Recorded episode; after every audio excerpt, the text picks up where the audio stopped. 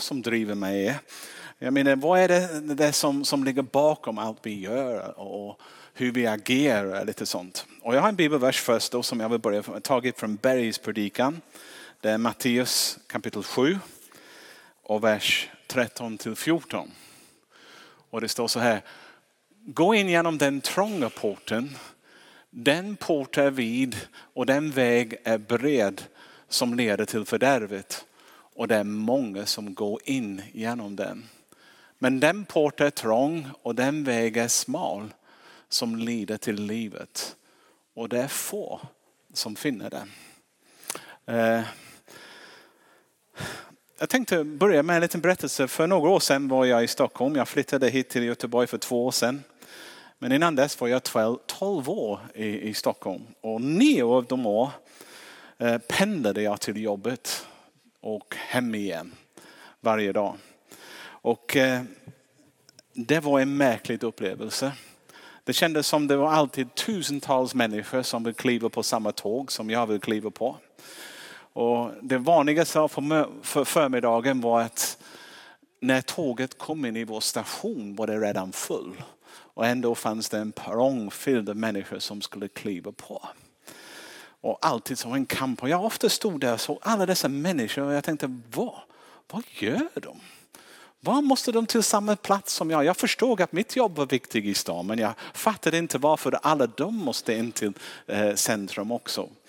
Eh, och det, det, det, var bara kaos ibland. Jag tänkte, man ser alla bussar komma in till plats, alla tåg, alla folk som, och de går hur fort som helst. Så när man kom av tåget, man måste gå i Stockholms takt. Och när jag först kom dit jag märkte att jag var lite långsam.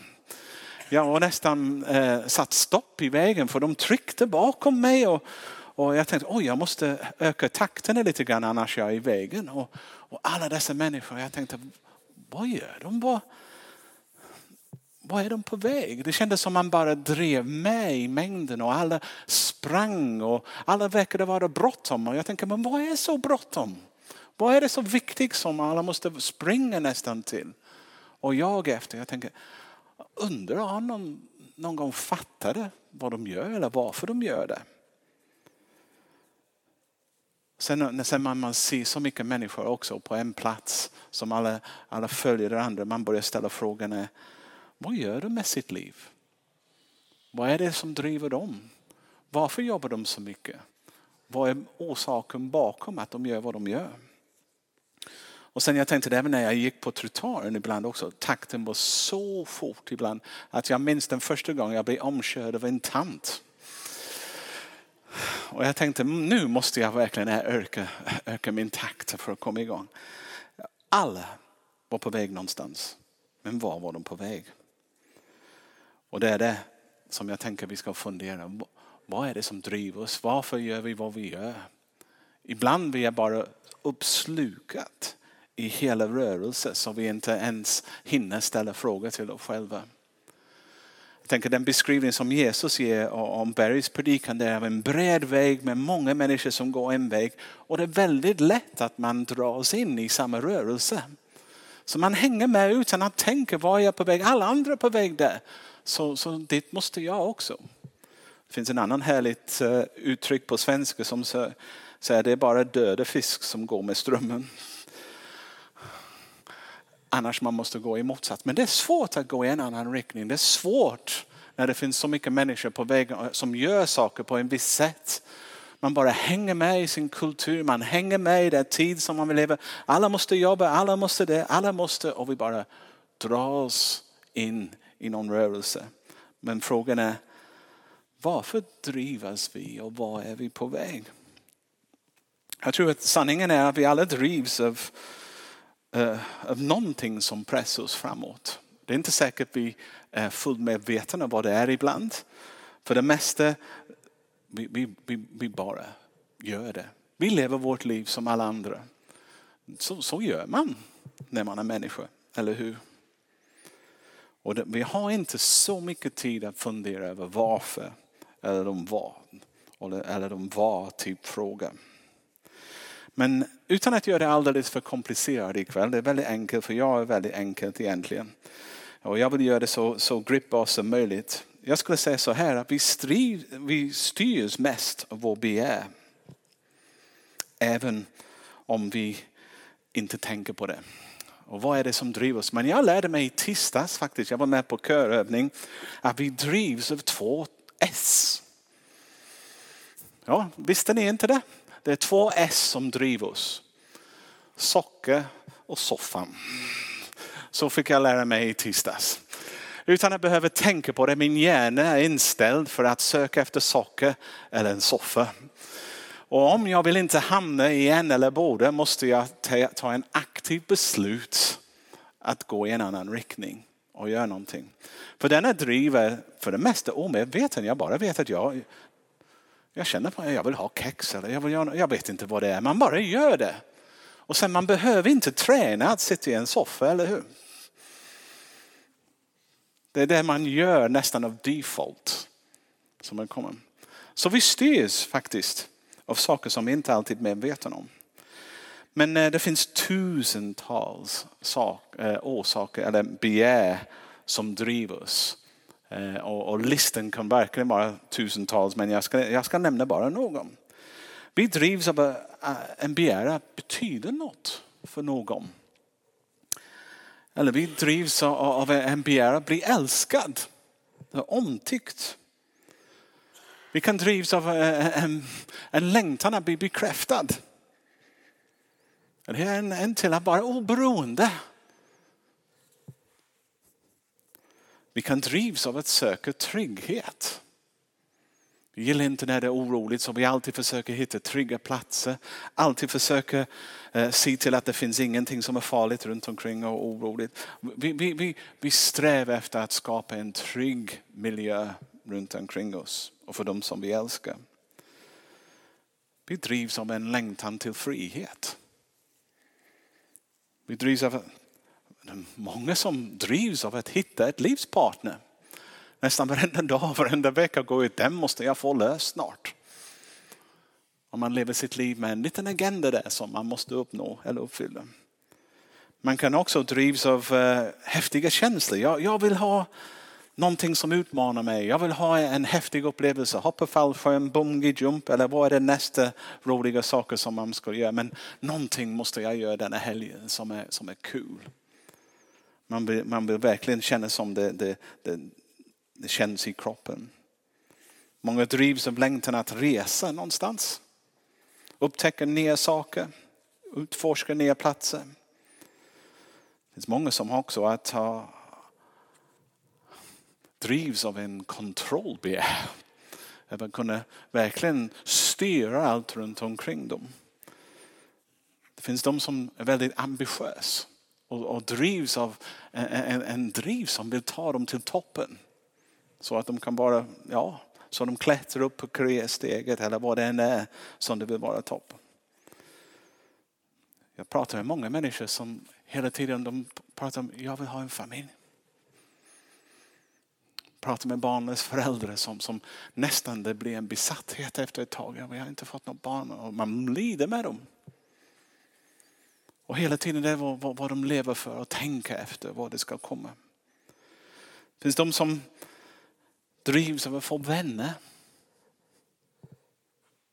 Väldigt social. Andra som, som drivs av att vara superfit, supervältränad. Ut varenda möjligheten de får för att få den ultimata kroppen. Och säkert också må så bra också. Det finns de som drivs av att äga mycket. Vi kallar det materialistiskt. Men de gillar att samla saker. Och de mer saker man har det bättre det är. Och det finns de som gillar att samla saker. Jag faktiskt som brandman besökte ett hus en gång och han samlade vad du kallar på svenska B-mats. Ja, glasunderlägg som när du går på en, tar en öl, du får en glasunderlägg. Och han hade varit över hela världen och samlade, fyllt sitt hus med sådana. Och tyckte det var en värdefull samling. Han visade mig, ja, folk kan samla vad som helst egentligen. Ja. Och den här begär som vi styrs av, de här drivkrafter, de kan ändras på olika perioder av livet. När man är ung man drivs av en sak, lite senare man drivs av en annan. Och sen när man är äldre man bara drömmer om att gå i pension. Och man siktar på det, eller siktar på att ta det lugnt. Men någonting är det som driver oss och motiverar oss varje dag. Nu är inte alla dessa begär är bra. Och många, och det är en intressant bit, många av de drivkrafter vi har har en annan drivkraft som är dold bakom. Som faktiskt är den starka drivkraft. Till exempel, ja, några exempel här. Trygghet. Om du är en som söker trygghet hela tiden. Det kan, om du är lite sjuk, också bero på en rädsla i botten som måste lära sig att hanteras. Och den rädslan kan driva så hårt att människor i frågan kanske blir en trygghetsnarkoman till slut som vågar inte göra någonting knappt. Det är riskabart att göra det, det är riskbart att göra det. Oh, måste ni göra det? Åker ni flygplan? Åker ni till landet? Landet är farligt. Det är bäst att ta semester i Sverige, uppe i Norrland var det finns ingen. Då är det trygg att vara.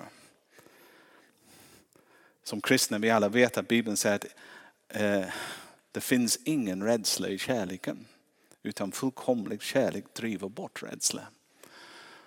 Eh, vi kristna vet att om du är älskad, om du vet att det är någon som bryr sig, rädsla har en tendens att försvinna.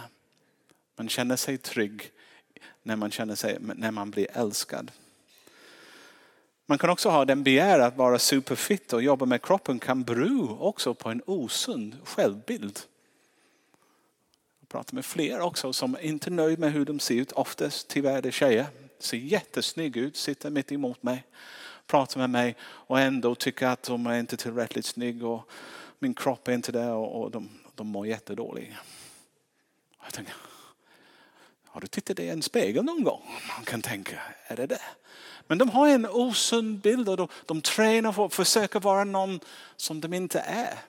Och kan inte nöja sig med sin utseende och tror att ingen annan gör det. De ser en liten fläck på ansiktet och tror att alla bara tittar på det. Men i själva verket är det bara de själva. Bibeln säger att jag prisar dig Gud för det förunderliga att jag är så underbart skapad. Vi pratade om förra veckan att vi, vi måste nästan tänka att jag är inte en olika. Jag är inte bara en slump. Det finns någon som har skapat oss som, som som ligger bakom att vi finns till. Annars må, man känner inte trygg, man känner sig osäkert. Om du inte vet vem skapade dig, då, då vet du inte varför du finns till för heller. Det finns en annan också, de som söker efter vänner också. Det kan vara en fruktansvärd ensamhet egentligen. Som vissa som är ultrasocial som måste ut hela tiden och träffa folk. Ibland det kan bero på att de, de fixar sin, e- inte sin egen eh, Ja, att vara med sig själv. Och några av dem är fruktansvärt ensam. Och sen för att bara göra saken värre. Ibland människor, även de som är ensam vill ha så många vänner, de gör saker som hindrar dem att få de vänner de längtar efter. Ett exempel till exempel den person som vill ha så många vänner på Facebook och kollar i telefonen hela tiden.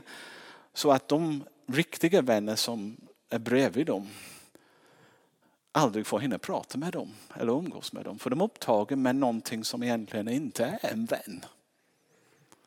Och missar det. Och vissa var sökande efter och drivande driver, driver bort det som vi egentligen vill komma åt.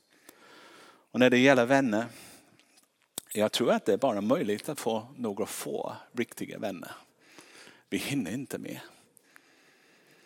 Det finns inte tid för det. Så någon som säger att jag har massor vänner. Jag frågasätter, är de riktiga vänner? De kanske, men eh, för det mesta för att hålla en vänskap igång, för att underhålla den relation krävs faktiskt tid och engagemang. Och man har inte så mycket tid för allt det. Utöver när man är Och sen materiella saker. Om man tänker, man säger att samla saker kan också bero på en tomhet. Det kan också bero på en mindre värdekänsla. Att, att eh, man känner inte som man är viktig men om jag skaffar massa saker, andra kanske kommer tycka att jag är viktig eller jag har lyckats i livet och sånt. Men egentligen i botten finns en människa som, som egentligen har inte så stor tro på sig själv och tycker mindre om vad, de, om vad faktiskt Gud gör och alla andra gör. Och eh, Värde värdesaker enligt Guds ord, det viktigaste handlar inte om saker som vi äger. Inte alls. Det är Guds handling i livet som är viktig. Det står sök först Guds rike och hans rättfärdighet. Så får ni allt det övriga också. Sist på, jag kan ge hundratals, säkert när ni sitter, jag hoppas att ni tänker på olika exempel på, på när man tänker vad är det som driver människor, vad är det som driver mig också? Det är det som jag vill komma egentligen. Till och med jag som är pastor, jag, jag kanske jag har en, en driv att, att hålla bra undervisning eller vara en bra pastor. Men den egentligen driv kan lätt vara att jag vill vara omtyckt. Jag vill ha status. Och då missar man det egentligen. Man, man har missat det man försöker hjälpa andra att uppnå också. Det är rätt så lurig med andra ord hur det är när det gäller vår drivkraft och det som driver oss. Och när vi börjar tänka på det, det blir mer och mer komplicerat. För vi har driv också på arbete, vi har driv i våra relationer, vi har driv i olika mått sånt, som, som, som, som som pågår inom oss.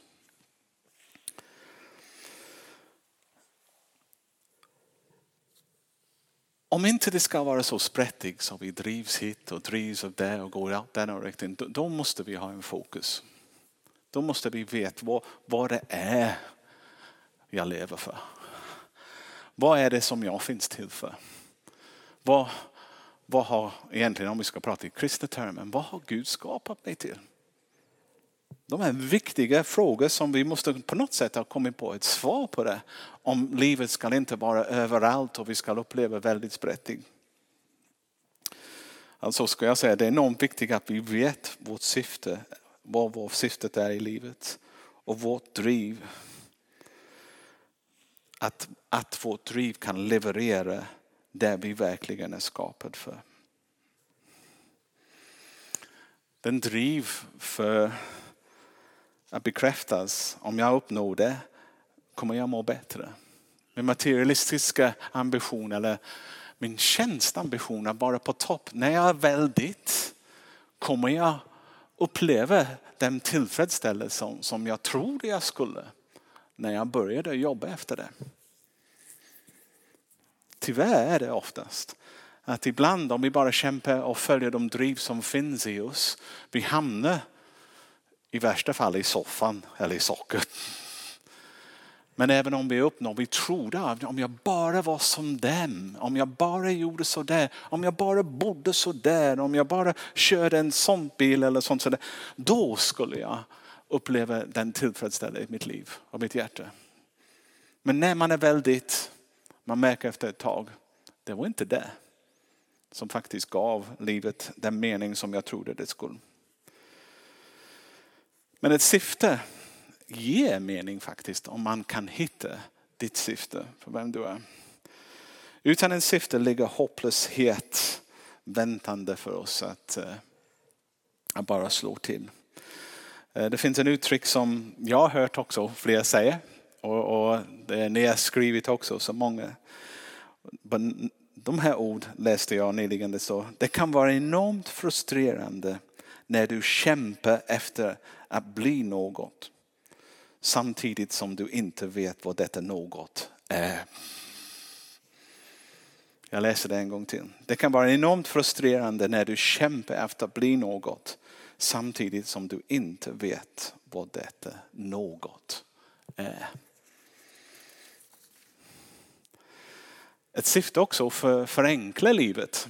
Om du vet vad, vad du ska göra. Till exempel. Det definierar det som du ska göra och det ska du inte göra. För du behöver inte ägna tid åt en massa andra saker. Du kan istället för att ha en, en valmöjligheten som är framför dig, plötsligt går du Och det begränsar det. Och det, det kan behöva om du, jag vet inte, om, om du upplever att Gud har gett dig en passion att uh, vara en läkare eller någonting, då din utbildning är klart vad du ska göra eller något. Det, du vet vad, de steg du måste ta för att uppnå det målet. Om du vill vara, vad är, vad är, vilken yrke du tänker på eller vilken, vad, vad du vill ägna ditt liv mot. Det finns en väg dit. Och inte alla väg kommer hjälpa dig dit. Så det gör livet enklare om du vet vad du ska göra. Eh, jag har sagt den exempel, jag vet, jag vet inte om jag gör rätt när jag ger min egen personliga exempel. Men jag visste när jag sökte efter en fru, jag sökte efter en pastorsfru. Jag gjorde det.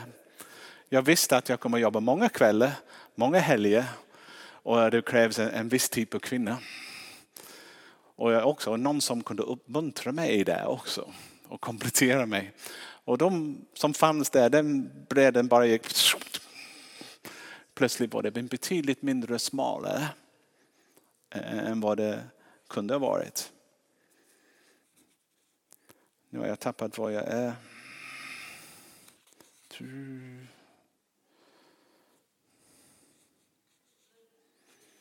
Ja, det hjälper dig fatta. Jag har skrivit så här. Utan ett klart syfte har du ingen grund att fatta beslut. Förvalta tiden och använda tillgångarna. Risken är överhängande att du gör dina val utifrån omständigheter, frustration eller din humör. Du, du, du, du går med vinden. Du går med tidsströmmarna. Du lever ditt liv som alla andra. Du bara blåser hit och dit med det som råder nu istället för att sikta och leva ett fokuserat liv. Och jag skulle säga att det är en befrielse när du vet varför du finns och vad din uppdrag är. Och alla som kommer dit är mycket behagligare att umgås med. De är inte så stressframkallande som andra. Ett syfte gör oss också fokuserad på var vi ska lägga vår energi, på det som är viktigt och inte viktigt. Och utan ett klart syfte ändrar man hela tiden inriktning. Och man flyttar jobb, man flyttar hus, byter ut förhållande eller om man är kristen församling försöker. Man, man är lite så här. Lite överallt. Apostel Paul ger oss en fantastiskt exempel i Bibeln. Han var kanske den som nästan vad kan jag säga, på egen hand eh, evangeliserade hela romarriket. Det var han som var pådrivande hela tiden. Och ut. Vad, vad säger han i Filipperbrevet 3 och 13? Det står så här. Bröder, jag menar inte att jag har gripit än. Men ett gör jag. Jag glömmer det som ligger bakom och sträcker mig mot det som ligger framför. Han var fokuserad. Han vill inte ens fokusera på sin misslyckande. Han vill inte lägga tid på det som han inte kan. Han, han bara visste vad han var kallad till. Han visste vad Gud ville i hans liv och han levde ut det. Ett syfte kan motivera oss också. Nu har jag en, en citat här från George Bernard Shaw som skrev sådär. Detta är livets sanna glädje. Att få känna ett syfte som man själv ser stort. Att vara en naturkraft istället för en spänd självisk liten idiot full av krämpor och bitterhet och klaga över att världen inte ägnar sig åt att lyckliggöra honom. Det var lite hårt. Men eh, jag tror, många gnäller och klagar. Varför har jag inte fått det egentligen? Men, men den, var finns det en passion för vad man ska göra? Jag känner till en kvinna som var hemmafru. Eh, och hon tyckte det var alltid lite jobbigt när hon var med och ut med andra kvinnor och de alla pratade om, vad, en av de, den fråga som kom upp hela tiden, vad jobbar du med? Vad jobbar du med? Och de alltid hade en fantastisk jobbeskrivning. Och hon märkte när han sa, jag är hemmafru och tar hand om barnen, det var åh, åh, åh. Så hon, hon eh, funderade över vad kan jag säga. Så nästa gång hon fick frågan, hon ställde sig frågan, vad jobbar du med? Hon svarade, jag tränar nästa generations ledare. Jobbar med deras värderingar och motivation så att de lämnar denna värld på ett bättre sätt än när de hittade det. Och tränar dem att prioritera och göra bra för sig. Och de sa, åh, det var ett bra jobb. Ja, hon är mamma. Men det var hennes passion. Om du skulle prata med, med henne, hon sa jag kommer aldrig lämna mina barn till dagis. De är min dyrbaraste skatt. Jag, jag kommer, mitt, min, mitt syfte med mitt liv, sa hon, var att investera i den nästa generation som jag har fått. Nu det är bara hennes val. Jag säger inte att alla ska ha det. Jag bara säger, hon hade hittat sin passion och jobbade efter det. Ett syfte förbereder oss för evigheten också. Många vill lämna efter sig ett minne, ett arv. Men vi har inte ställts på denna jorden för att bli ihågkommen. Vi har ställts på denna världen för att förbereda oss på evigheten. Så tänker de kristna. Och egentligen, vår tid här på jorden är ganska kort jämfört med evigheten som är oändligt långt om man kan säga så där. Och eh, vår tid här, det formar oss, det hjälper oss också bli de människor som vi har skapat. Det är nästan en skola. Ett livs skola. Och en dag enligt Bibeln kommer vi alla stå inför Gud. Och eh, vi måste avlägga räkenskap inför honom. Och vad vi har gjort med vårt liv. Och Bibeln, utifrån Bibeln kan vi verkligen tyder på att det finns två huvudfrågor som, som vi kommer, måste svara på. Den första är, vad har du gjort med min son Jesus Kristus? Egentligen du kan komma och säga, jag gjorde si, jag gjorde så, jag gjorde så, jag, byggde, jag gjorde massa bra saker, jag gjorde massa saker. Men det enda som Gud är intresserad av, vad har du gjort med Jesus Kristus? Har du lärt dig älska honom? Har du, har, har du tagit emot honom som din Herre och Frälsare? Har du lärt dig att förtrösta på honom och följa honom? För Jesus säger, jag är vägen, sanningen och livet. Ingen kommer till Fadern utan genom mig. Den är kanske den viktigaste frågan. Det finns en liten skämt, jag hörde om den häromdagen. Det var en, eh, en pastor som hamnade uppe i himlen. För Sante Per som väntade på honom. Och sen han gick igenom grinden och in i ett rum och sen kom en man och ställde frågor. Han sa, ja, jag du då, nämnde en massa saker. Sen, men känner du Jesus då? Ja, jag känner Jesus. Ja, ja, ja självklart jag känner Jesus. Så, oh, okay. Sen kommer också en evangelist också upp och samma, han gick in i ett rum och sen han fick frågor, känner du Jesus? Ja, ja, jag känner Jesus. Och sen kom en eh, uh, uteliggare, väldigt fattig, smutsig. Och sen eh, fick han samma fråga, känner du Jesus? Och han sa, ja det är klart jag känner dig. Ja. Det är klart jag känner dig. Det är den viktigaste uppgift vi har.